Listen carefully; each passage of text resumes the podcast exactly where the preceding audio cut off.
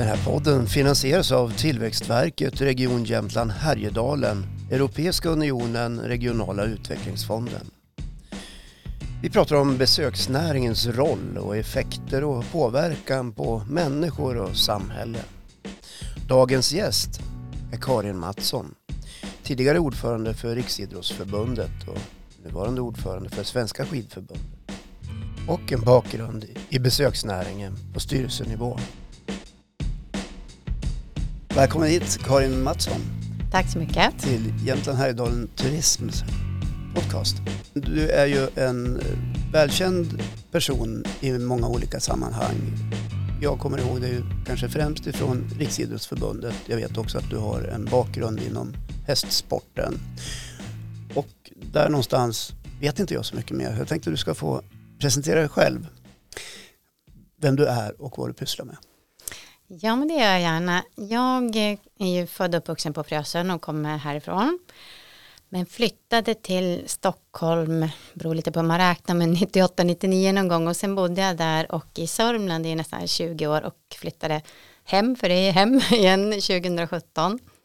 Och eh, har ju spenderat väldigt stor del av mitt liv inom idrottsrörelsen och gör fortfarande, men, men framförallt då, som du var inne på, tio år som ordförande i Riksidrottsförbundet och tio år i den styrelsen innan, så det var ju nästan halva livet. Eh, Så det har jag lagt mycket tid på och idag så håller jag på med framförallt med styrelsearbete i lite blandade branscher. Eh, Så jag är ordförande för Länsförsäkringar Jämtland och för Svenska skidförbundet och för en prins Carl Philip och prinsessan Sofia stiftelse. Och sen är det lite skog och fastigheter och besöksnäring och lite mer idrott och så.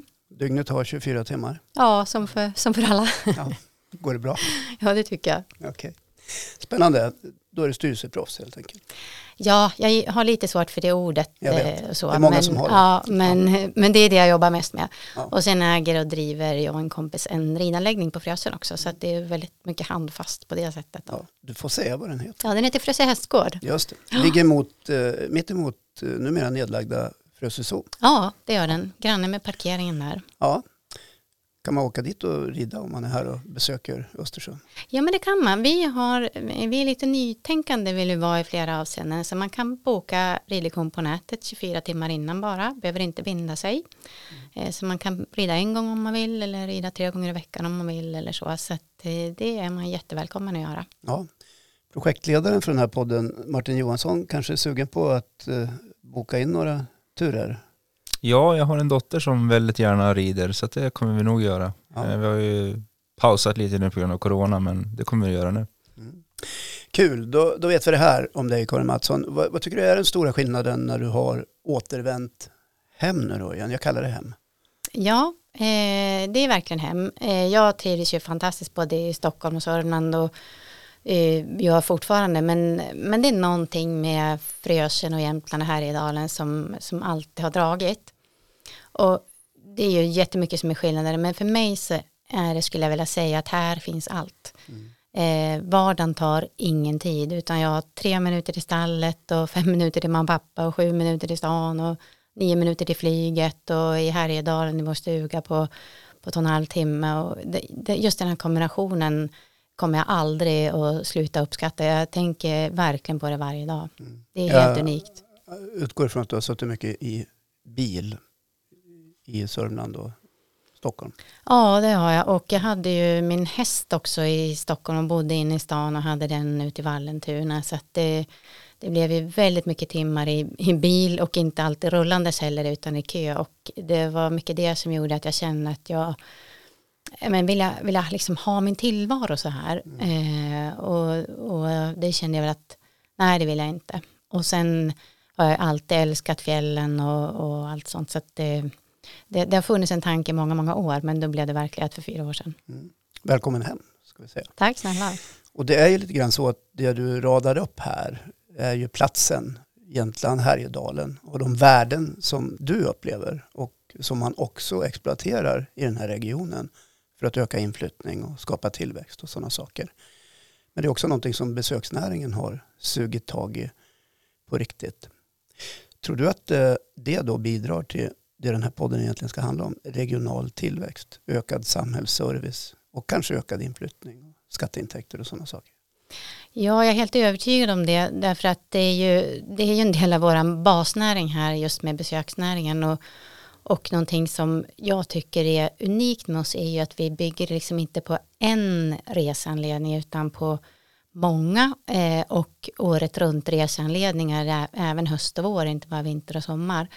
Och det är klart att det bidrar ju verkligen till att det, det är butiker som kanske inte skulle ha klarat sig annars och det bor några fler i samhällena och det finns företag som, som verkligen har uppstått tack vare att vi har besöksnäringen. Så att det, det är, jag är helt övertygad om att det är en fundamental del så här är just besöksnäringen för, för regional utveckling här. Mm.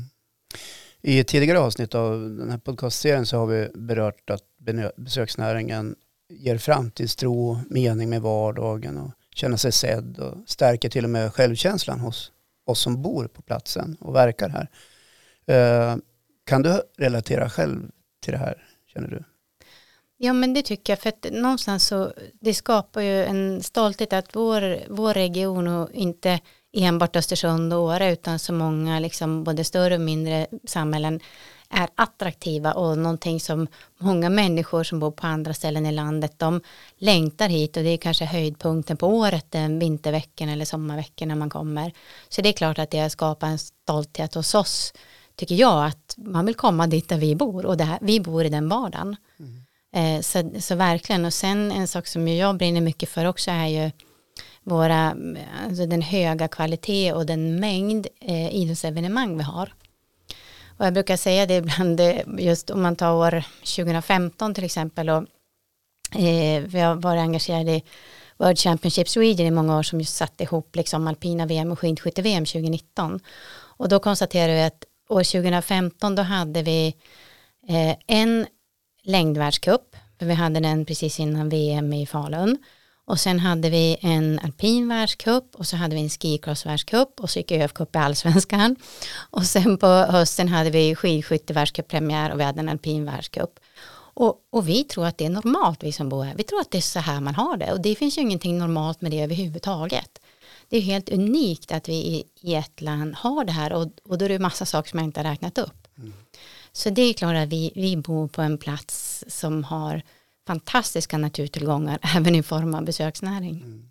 Och vi vet ju att eh, den här typen av event och andra också för den delen bidrar med kulor in till regionen. Mm. Inte bara till entreprenörer utan även till kollektivet.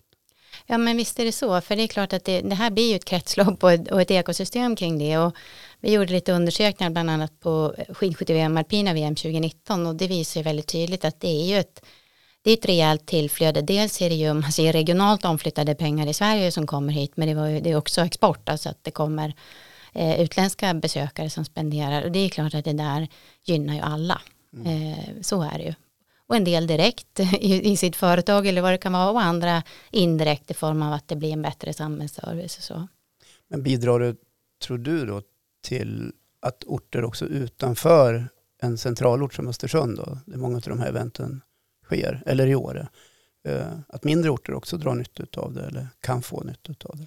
Ja, jag är helt övertygad om det och sen är det ju också lite det kommer ju naturligtvis inte gratis utan det kräver ju kanske också att man gör lite jobb kring det men det var ju då med VM men också våran strävan att det ska inte enbart vara en Åre-Östersund angelägenhet utan vi ville ju att det skulle vara någonting som alla kommuner kände att man hade en, en glädje av och naturligtvis hade ju inte alla det lika påtagligt. Men, men jag tror att allting som ökar attraktionskraften för vårt län gör ju att man letar bostäder eh, runt om. Och många som flyttar hit är ju van vid helt annan typ av pendling än vad vi är van vid. Och då kanske det inte är så farligt att åka tre mil varje dag. För det, det är ingenting. Och här vet du hur lång tid det tar att åka de tre milen. Man fastnar inte i kö. Mm.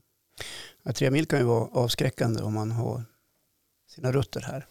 Ja men det kan ju vara det och, och, och bor man i Stockholm så vet man att tre mil då kan man ju mer eller mindre krypa i tre mil och då tar det ju en, en evighet. Så att, ja. så att det, eh, det, ja. Eh, det gynnar ju oss att vi har verkligen eh, väldigt bra boendemiljöer och livsmiljöer än nära en stad eller en större ort eller så. Mm.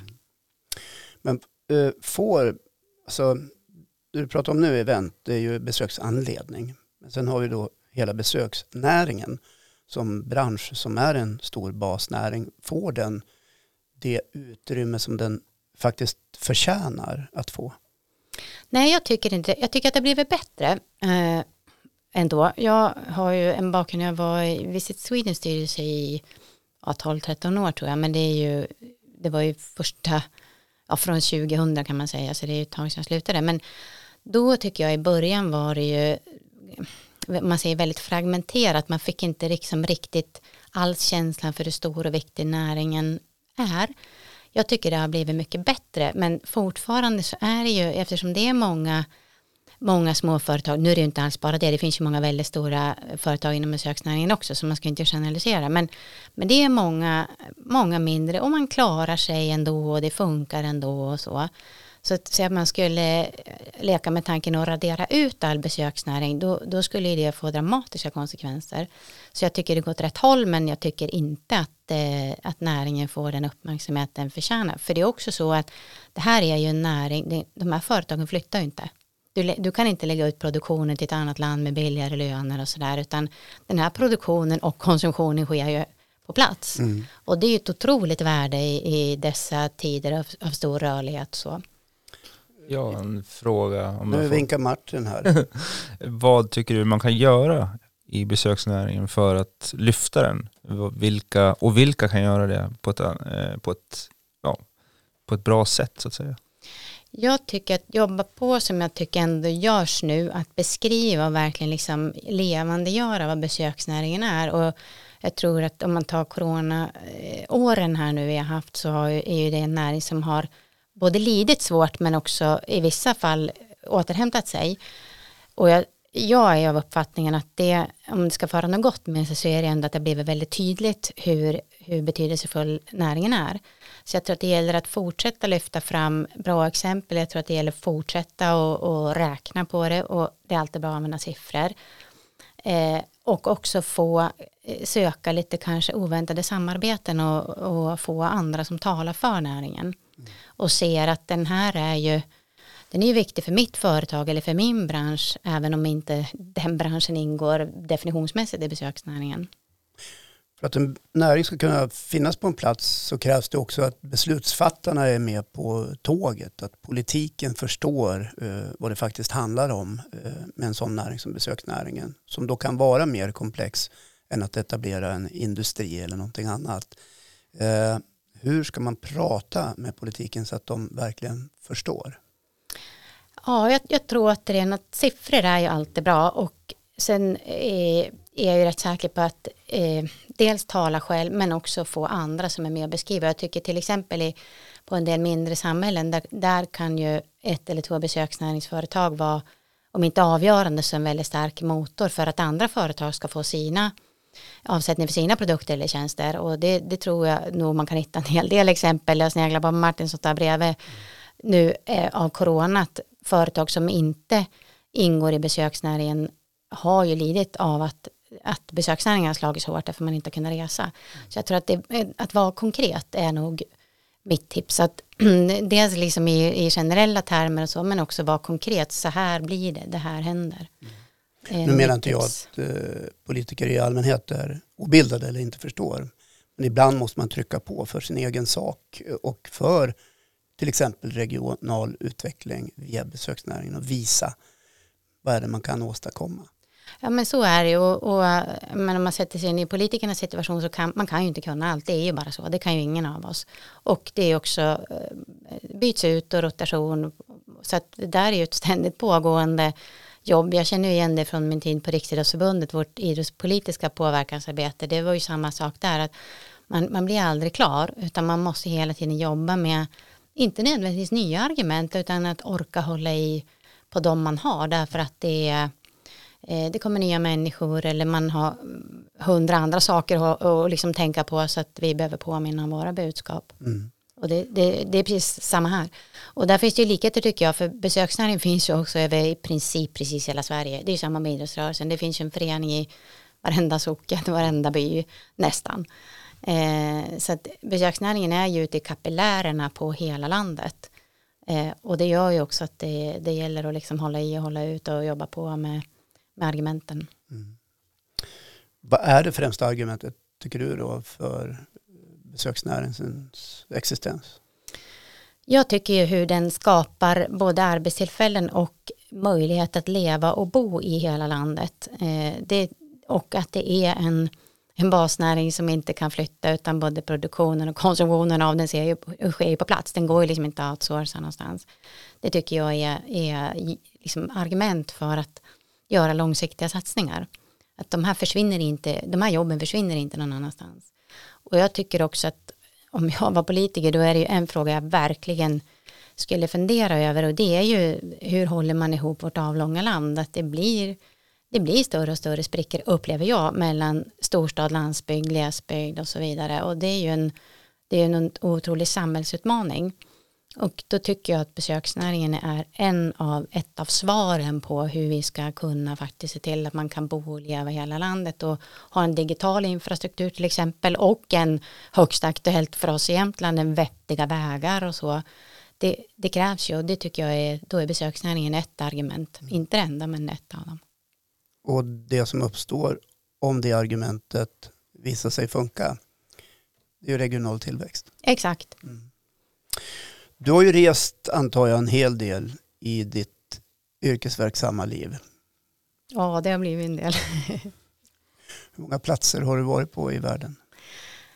Ja, alltså, internationellt resande har ju inte varit mitt huvudfokus egentligen. Jag var engagerad i RFs europeiska organisation så på det sättet har jag varit i framförallt eh, ett antal europeiska länder. Då. Men egentligen är det ju Eh, och Nord, Norden, Skandinavien såklart. Då. Men annars är det ju egentligen inom Sverige som jag mest har, mm. har eh, rest. Är det någon resa som du kan se att, eh, som har satt sig fast i dig? Liksom att, som, där du kan liksom knyta an till besöksnäringen? Något som har förvånat dig eller något som har överraskat eller gett dig någon form av känslor? Dit vill jag kanske återvända igen eller förstår du vad jag menar? Mm. Ja men det gör jag och det är som om man säger lite baksidan då med det resandet som jag har gjort är att man reser ju nästan alltid för möten och kongresser och sen blir det lite tajt så man hinner inte alltid se jättemycket men jag var bland annat, jag var, hade förmånen att vara på OS i, eh, när jag gick i Sydney 2000 mm. och det är klart det var ju någonting väldigt annorlunda och det ångrar jag i efterhand att inte man la en vecka till där men ibland tar man inte rätt beslut. Mm. Eh, men sen är det också flera europeiska länder som jag tycker har varit fascinerande att se och också eh, jag har fått förmånen att vara på Grönland till exempel några gånger och Island och det finns ju mycket som är relativt nära som är ändå väldigt fascinerande. Eh, jag har varit i Serbien till exempel i Belgrad och åkt runt och tittat där och det finns ju så mycket vackra platser men som man heller kanske inte är de normala turistiska resmålen. Mm. Och för de som bor på de här vackra platserna eller resmålen du radar upp här, så kanske allting är helt normalt. Ja, visst. För dem är det ju det. Och mm. för oss blir det exotiskt. Och när vi pratar om vår egen region så är det ju det vi har här är ju också normalt. Ja, för oss är det ju det. Ja. Och då undrar man ju lite grann så här, om vi själva upplever det som ett normalläge här, där, där vi bor i vår region, hur ska vi få det här att kompa ihop med en kanske växande besöksnäring där det kan uppstå konflikter eller olika intressen. Mm. Hur ska jag få oss som bor här att förstå att det här är viktigt för även mig, även om jag inte jobbar inom besöksnäringen? Jag tror, eh, min känsla är nog ändå att de allra flesta är väldigt eh, positiva till eh, besöksnäringen och se vad den ger och, och turister och sådär. Sen är det klart att när det blir väldigt stora anhopningar vid vissa tidpunkter så kan det bli lite, ja, trångt och stökigt och så. Men jag känner nog ändå att jag tycker att de flesta liksom är väldigt medvetna och positiva och sådär. Mm. Men sen är det klart det, det blir utmaningar runt det, trafiksituationer eller annat som inte är dimensionerat för att men det kommer ju en mindre stad till Åre påsk och jul och nyår och sådana saker och samma här i Dalen. Så det är klart att lite spänningar blir det och det tror jag att det, det, det får vi nog liksom acceptera för det har så mycket bra med sig. Mm. Men om inte alla människor gör det, då kan det uppstå konflikter. Mm. Ja men det kan det och det är ju det är nog också oundvikligt utan det gäller nog att försöka liksom och, och i möjligaste mån eh, hantera sådana här saker så tidigt som möjligt så att det inte eskalerar men det är ju lätt att säga och inte alltid riktigt lika lätt att, att åstadkomma. Mm. Om eh, den här regionen då skulle utvecklas och bli en ännu attraktivare plats att besöka och i nästa steg så ger det oss regional utveckling. Vad, vad ser du från ditt perspektiv skulle kunna vara saker och ting som går att utveckla ännu mer? Jag är nog inne på att det liksom, man, man, grundspelet behöver fungera om man säger så. Alltså det, det, vissa saker behöver funka. Infrastrukturen, digital infrastruktur tycker jag måste vara en prioritet i verkligen i hela länet, minsta ort. Eh, det ska vara en självklarhet medel utan besöksnäring, men det, det måste vara hög prioritet. Så jag tror att det är sådana saker, kommunikationer och så som eh, tror jag är A och O för att underlätta. För det handlar ju om att göra det så lätt som möjligt. Sen är det ju, eh, men vi har ju boendemiljöer, man, man tittar, bland i tidningen så kommer det upp mest klickade på Hemnet och man, alltså det finns ju, det finns ju boendemiljöer som, ja men det, det är för inga pengar alls om man jämför, det är mycket pengar att köpa ett hus, men, men om man jämför med vad det skulle kosta i Mälardalen till exempel. Så att det gäller ju bara att det blir möjligt att bo på de ställena utan att det blir för, för krångligt liksom för att det inte finns en vettig digital infrastruktur eller vad det kan vara. Mm. Så jag tror att det är ganska mycket grundgrejer för att flyttar man hit eller väljer att vara här mycket så är det ju totala miljön man vill åt, eh, tror jag. Så det kan mycket väl vara så att i spåren efter corona så vill fler människor kanske lämna storstäderna, flytta ut i till exempel Norrlands inland eller Jämtland Härjedalen. Men finns det inte wifi, då kanske man struntar i det. Ja, ja eh, precis. För det, det, känns ju i alla fall som att det, vi vet ju i alla fall att det är många som har varit i sina, eh, sina stugor eller hyrt stugor och, och jobbat och åkt skidor eller vad nu det kan vara. Eftersom man ändå inte kan ha varit på kontoret. Och, och, det är klart att då finns ju också steget att flytta blir ju mycket lättare när man har provat på det livet. Så att jag, jag är, känner mig säker på att det finns en potential i det. Men som sagt, det, det är en del grejer som måste fungera tillräckligt bra. Och då är man ju inne på regionalpolitiska satsningar där regering och riksdag måste fatta beslut i rätt riktning och att det måste kanske gå undan snabbare än vad det gör idag. Ja, men jag tycker det och jag tycker vägarna är väl ett alldeles utmärkt exempel, eh, den diskussion med sänkta hastigheter och, och inte göra något åt vägarna och där man, om jag nu har förstått det här rätt, det kanske jag inte har, men när man räknar väganslagstilldelning på hur många som bor och hastigheter på hur många som åker, det hänger ju inte ihop, utan där tycker jag att man skulle kunna förvänta sig helt andra eh, satsningar och lite annan hastighet från, från eh, Trafikverket. Mm. Man sänker hastigheten istället för att åtgärda en pissig väg. Det verkar ju så. Ja. Mm. Eller det är ju så. Ja, det är ju så. Vi vet ju att det är så. Ja. Och vi pratar då om vägsträckor som finns i vår region, vägsträckor som har debatterats om i tre, fyra decennier. Mm. Som ännu inte har gjorts någonting åt. Jo, det är ju våra blodomlopp faktiskt för naturligtvis för boende men också för besökare så, så vet vi vilka vägar det är och, och eh, hur viktigt det är att de är säkra att, att man inte behöver krypa fram på dem för det är klart det blir hämmande. Mm. Det räcker att komma nedanför Sundsvall så ser man en klar skillnad. Mm, mm. Eller nedanför Sveg. Mm. Ja, nu blev jag lite gnällgubbe. Mm, ja, men ibland måste man få... jag brukar inte säga det om jag åker bil till Stockholm. Kolla nu mm. hur det är. Här är det minsann filer att åka i. Mm. Ja. Eh, vem ska då driva den utvecklingen? Är det vi själva? Eh, vi har försökt i många, många år. Eller är det någon annan?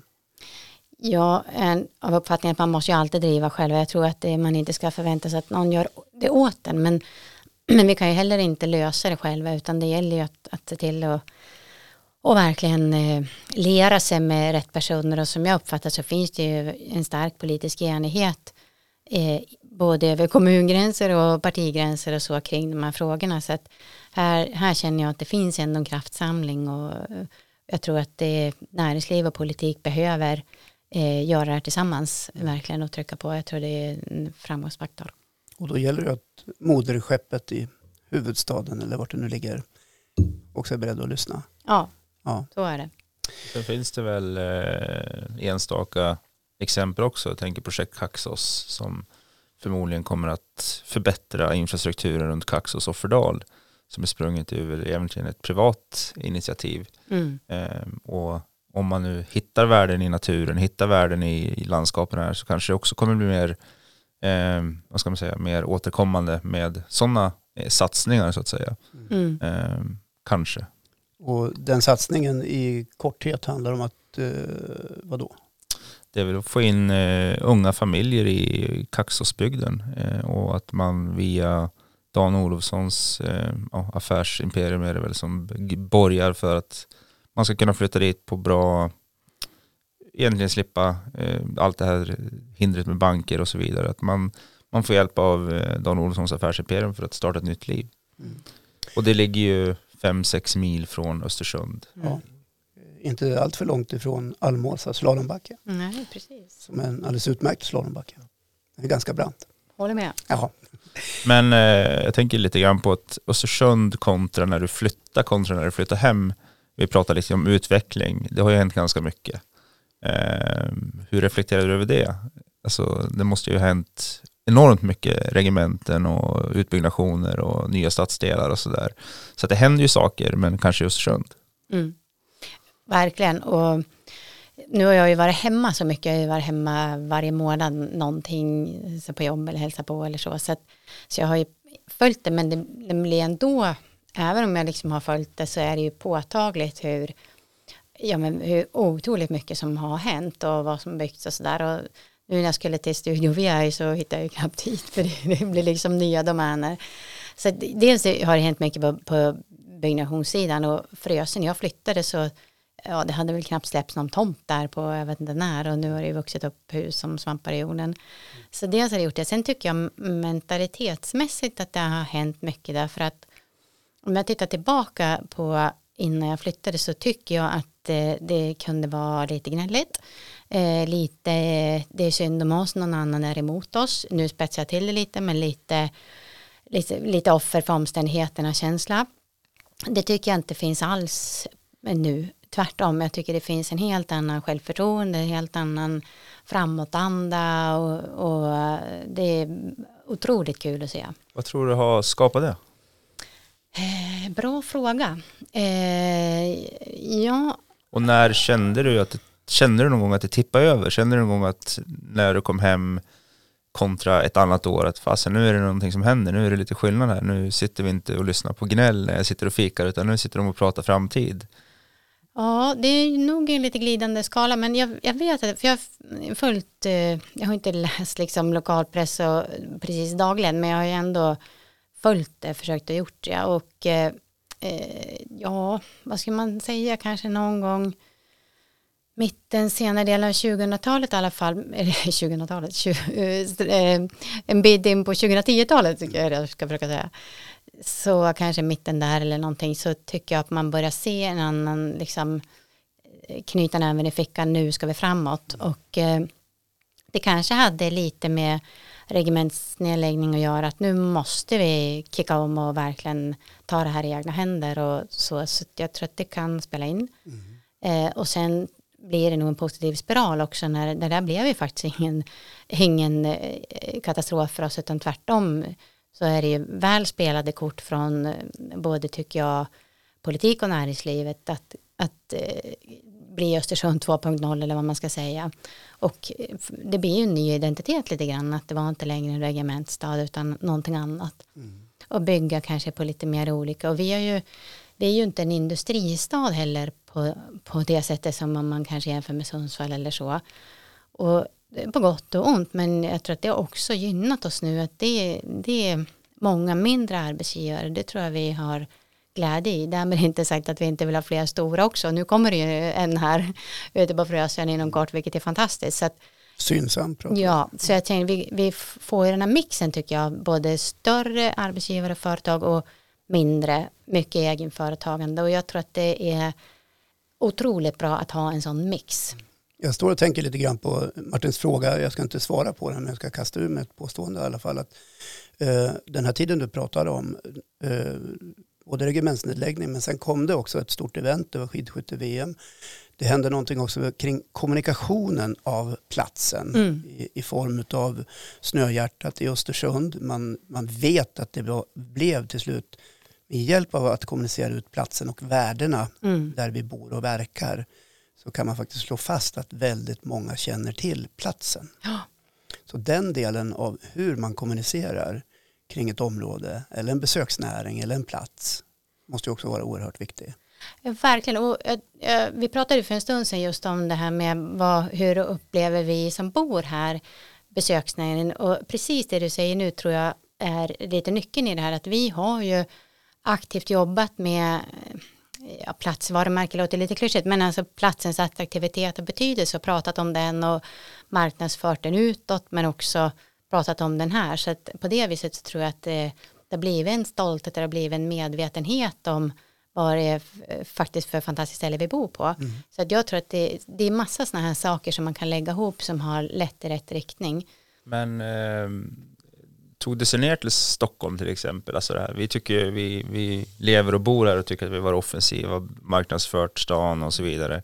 Du som bodde där nere och verkade där, slog det igenom där? Kände man att ja, men Östersund eller Jämtland är ett ställe att besöka? Eller blev vi lite så här slå oss för bröstet och tycker att vi var bra och marknadsförde oss? Jag tänker du har ändå lite facit som har bott och verkat långt bort. Mm. Eh, men ändå liksom haft kvar, du har väl sett signalerna men känt så här, ja, men i mina nätverk plockas det upp eller plockas det inte upp? Mm. Jo men jag tycker det, jag är kanske inte helt objektiv eh, men eh, jag tycker det. Och jag Vara tycker lite det patriot också. ja precis.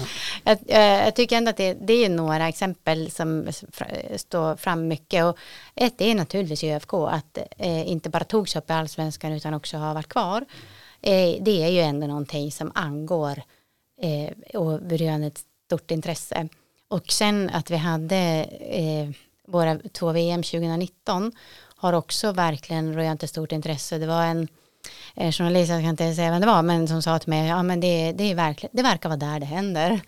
Eh, eh en Stockholmsbaserad då. Och, och, så den, här, den här känslan tror jag vi har lyckats förmedla. Och ännu mera nu skulle jag säga i dessa covid-tider där det är ju så oerhört många som lyfter fram både här i Dalen och Åre, det är fram, tydligast där då, som har spenderat vintern mer eller mindre här eller åkt väldigt ofta och som pratar om det. Så det tycker jag man märker jättetydligt att i liksom gemene man så är det väldigt många som har använt det här. Så att det, det, det har definitivt nått ut, det tycker jag.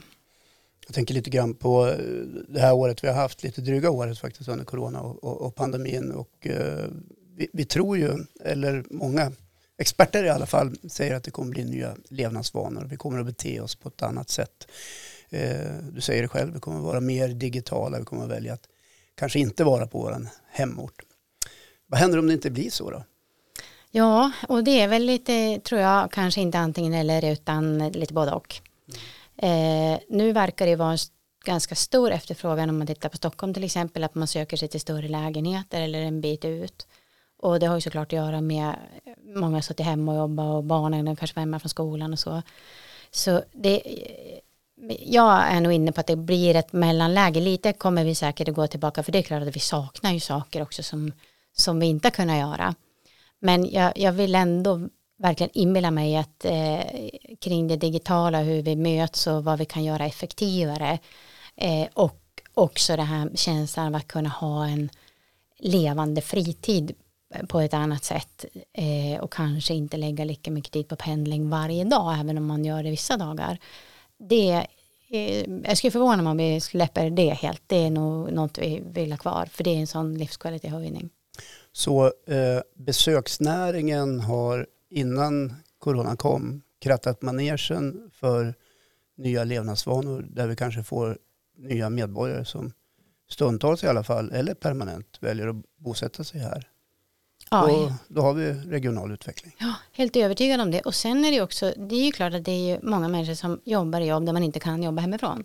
Man jobbar i sjukvården eller man jobbar, man jag driver en ridanläggning, omöjligt att sköta hästarna hemifrån. Ja, det är jättesvårt det är väldigt, väldigt besvärligt. Ja. Eller vara busschaufför, det är inte heller någon höjdare om man ska jobba hemifrån. Nej, det är också, Nej. även om man tror på självkörande så är det nog det en bit bort. Så, så, och, så, och då tror jag att vi har ju också en gyllene möjlighet att att kunna erbjuda, för det finns ju massa sådana jobb här. Eh, för det kan ju ändå vara så att man känner att jag vill inte pendla lika mycket. Eller jag vill bo i storstaden men jag vill kunna också ha den här eh, tillflyktsorten där jag kan få leva mer nära naturen. Mm. Eh, för det är ja, det behöver inte vara antingen eller heller. Och jag, om jag går till mig själv, vi har ju kvar en bostad i Stockholm. Och jag tycker det är, skämt att säga att det var en sommarstuga nu, men, men jag tycker det är jättekul. Jag älskar Stockholm och, och så, så det är kul att få variationen. Så att det är väl också, nu är det en förmån att kunna ha på två ställen. Det kan ju inte alla heller, men, men att ändå kunna få den här kombinationen. Så jag tror att det, det finns allt ifrån de som väljer att flytta till vårt land till de som väljer att vara här lite mera men bo kvar där man bor. Eh, eller de som har fått upp ögonen på att åka varje fall en vintervecka per år, en sommarvecka per år. Så det finns hela spektrat. Men nu har vi flyttat positionerna, det är jag övertygad om. Ja, och vi vet också att sedan lång tid tillbaka så rekryteras det genom eh, argumenten kring platsen, friluftslivet, livsstilen och sådana saker. Eh, och där använder man ju faktiskt besöksnäringens verktyg lite grann med att människor kommer hit och, och provar bo ett tag. Jag tänker på Godmorgon mm. Östersund som har sina workplace i Östersund och så vidare och lockar hit och kompetens mm. som till slut kanske väljer att slå ner sina bopålar. Ja. Ja, för det är ju ett stort, om man ska flytta, det är ett stort steg såklart. Liksom. Eh, så att kan man få prova på lite eller nosa lite på så här så är ju det perfekt. Så att det, det är jättebra initiativ tycker jag att också hjälpa till med att prova lite grann. Karin Mattsson, innan vi rundar av det här poddavsnittet så vill man ändå veta vad är dina absoluta smultronställen? Då får du inte välja eh, stugan i Härjedalen eller hästgården ute på Frösön. Utan du måste titta omkring lite grann. Och menar vi Då menar vi i regionen här. I regionen ja. menar vi. Får jag inte säga här i Dalstugan. Uh, och då hemma är ju stort mått. Nej, men jag förstår vad du menar. Ja. Uh, jag, det, jag gillar att fika. Jag tycker det är jättemysigt att åka iväg och fika någonstans. Så att, uh, och prova lite nya kaféer. Så att vi har sagt så här i sommar. Vi ska, det ska, vi ska vara till Stockholm, vi ska ta en biltur ner till Skåne. Men vi ska ta lite dagsturer i landet hade vi tänkt. Eh, och jag är lite influerad av, eh, jag var både på Gotland någon sommar och jobbade och gotlänningarna är generellt superduktiga på att de kan alla ställen man ska besöka, de tar med en på allting. Jag skäms att jag är för dålig på det. Så att vi ska ta lite bilturer tänkte vi till, eh, ja, men till Strömsund och åka runt lite i den kommunen och åka runt lite i Krokom och ja, men på, på ställen som inte jag kommer inte dit naturligt, eh, men som skulle vara kul att se. Och eh, hitta lite nya kaféer och sådär. Det tycker jag ska bli jättemysigt. Du tänker som en turist? Mm, ja, men lite så. Lite turista i eget län. För att jag, jag tycker att vi har så mycket att se och det blir inte av i vardagen. Så det är planen för sommaren. Mycket nytt att upptäcka. Mm, ja, det är, det är ju det. Tack för att du kom hit. Tack, Tack för att jag fick vara med.